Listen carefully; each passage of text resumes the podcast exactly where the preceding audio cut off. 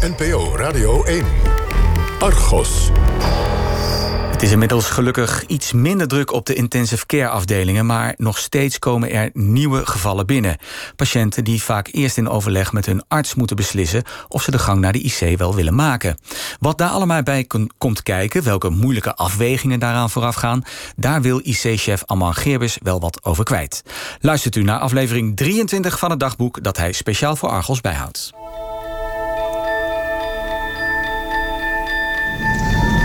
Vandaag is het uh, vrijdag 1 mei. En de tendensen die blijven eigenlijk hetzelfde. Nog steeds een groot aantal COVID-patiënten. Maar vergeleken met een paar weken geleden natuurlijk veel en veel minder. Maar nog steeds een aantal patiënten op de IC dat groter is dan we de afgelopen maanden en het hele 2019 uh, tegelijkertijd hadden op de IC. Een van de dingen wat natuurlijk heel erg belangrijk is, is om te bepalen of een patiënt opgenomen moet worden op de intensive care. Daar wordt ook veel over gesproken. Zeker nu in deze COVID-crisis is daarover gesproken. En er zijn wel een paar dingen over te zeggen, waarbij ik me realiseer dat ik zo vanuit de auto pratend niet helemaal volledig kan zijn. Dus als dat zo is, hoop ik dat u me dat even vergeeft. Het essentiële voor het bepalen van een opname op de intensive care is om te kijken of de patiënt er voordeel van kan hebben. En dat voordeel dat betekent, gaat die patiënt wat hebben aan de intensive care? Want op een intensive care liggen voor een patiënt, dat is een enorme investering waar je een hele zware prijs altijd voor betaalt. En dan wil je natuurlijk weten of uiteindelijk de uitkomst... of dat voor jou als patiënt voordelig is. Dan moet je natuurlijk heel goed weten wat de mogelijkheden zijn op een intensive care. En het sleutelwoord bij het bepalen of een patiënt wat kan hebben aan een intensive care is of er reversibiliteit is. Is er reversibiliteit in de toestand de ziektetoestand van de patiënt. En kan die patiënt zoveel beter worden dat vooral de patiënt zelf ook vindt dat hij daar wat aan heeft.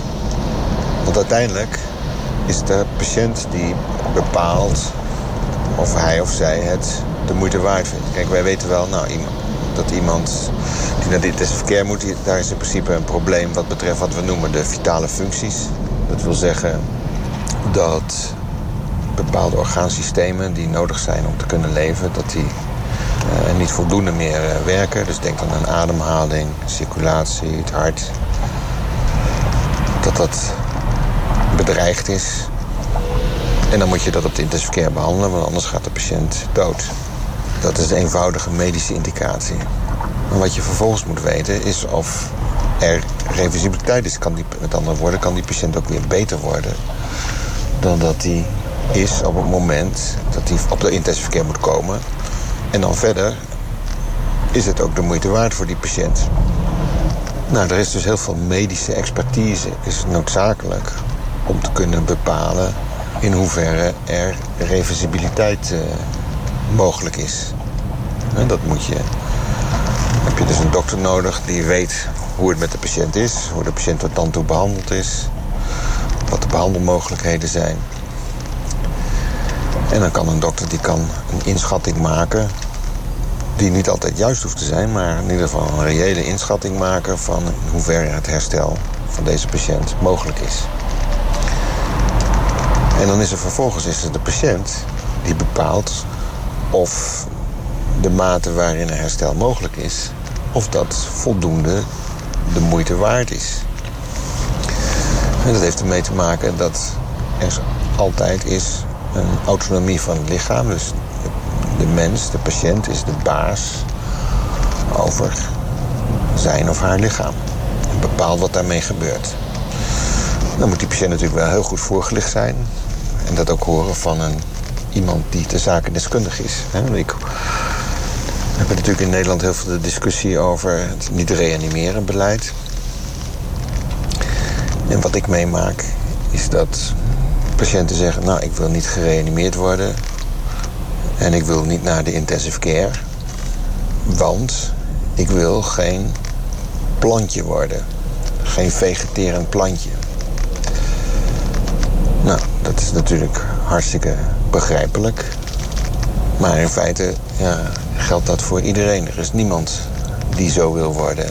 Waar het om gaat is of iemand die gereanimeerd wordt... of die kans heeft om te herstellen. Dus er zijn een, dus ik herinner mij een geval van een patiënt... die had een bepaalde zenuwaandoening. Guillain-Barré heet die ziekte. En doordat de spieren zo zwak waren... kon die patiënt zelf onvoldoende ademen. En zou die geïntubeerd moeten worden. En daarvoor moest hij naar de intensive care. En die patiënt die kwam bij mij op de intensive care... met het verhaal van ik wil niet gereanimeerd worden. Nou is het zo dat bij deze ziekte, Guillain-Barré... dat daar ook hartritmestoornissen kunnen optreden. En dat zijn ook hartritmestoornissen die je goed kan uh, behandelen. En als iemand om die redenen heel even gereanimeerd moet worden... en daar die tijd verder kan herstellen... wat het geval is bij zo'n ziekte in de meerderheid van de gevallen... dan is het toch wel de moeite waard om eventjes te reanimeren. Maar deze patiënt, die wist dat niet. En was dus in feite onvoldoende voorgelicht hierover. En dat betekent voordat je zo'n beslissing neemt van ik wil niet gereanimeerd worden... moet je wel zorgen dat je heel erg goed voorgelicht bent van wat de mogelijkheden zijn. Nou, en dat vereist medische expertise. Aan de andere kant is het ook zo dat dokters en ook verpleegkundigen de nodige bescheidenheid uh, past. Omdat zowel dokters als verpleegkundigen heel erg slecht zijn in het voorspellen van de uitkomst van een patiënt. Er is wel onderzoek naar gedaan en vroegen ze aan dokters en verpleegkundigen... aan een patiënt die net was opgenomen op de intensive care... van nou, hoe denk je dat dit gaat? En daar blijken zowel de dokters als de verpleegkundigen er behoorlijk vaak naast te zitten. En wat opviel was dat de dokter iets te optimistisch was. Dus die zei van, nou, ik denk dat het wel goed komt, terwijl het niet goed kwam. En de verpleegkundige wat te pessimistisch. Die zei, ik denk dat het uh, niks meer wordt met deze patiënt. En de patiënt herstelde wel. Dus goede kennis van het feit dat wij dokters er niet zo heel erg goed in zijn in het voorspellen van uh, hoe het met die patiënt zal gaan, is ook wel belangrijk. Maar goed, als je dus denkt dat een patiënt voordeel kan hebben van een behandeling op de intensive care. En dat de maximale haalbaarheid van wat je weet bereiken met de behandeling van de patiënt. De toestand waarin die daarna zal komen voor de patiënt een waardevolle uitkomst is. En dan moet je zo iemand op de intensive care opnemen en behandelen. En je moet ook accepteren dat je af en toe je inschatting niet helemaal klopt. En ik zeg ook altijd tegen patiënten en een familie... er is altijd maar eentje die precies weet hoe het gaat aflopen. En dat is de tijd. Dat klinkt een beetje flauw. Maar zo is het natuurlijk wel. Dat betekent ook dat je ja, soms om iets te weten... dat je daar wat meer tijd voor neemt. Aldus Amman Geerbers rijdend in de regen op weg naar het VU Medisch Centrum. Tot zover Argos, zometeen Hilversum uit met Petra Grijze en zij zit in Rotterdam. Tot volgende week!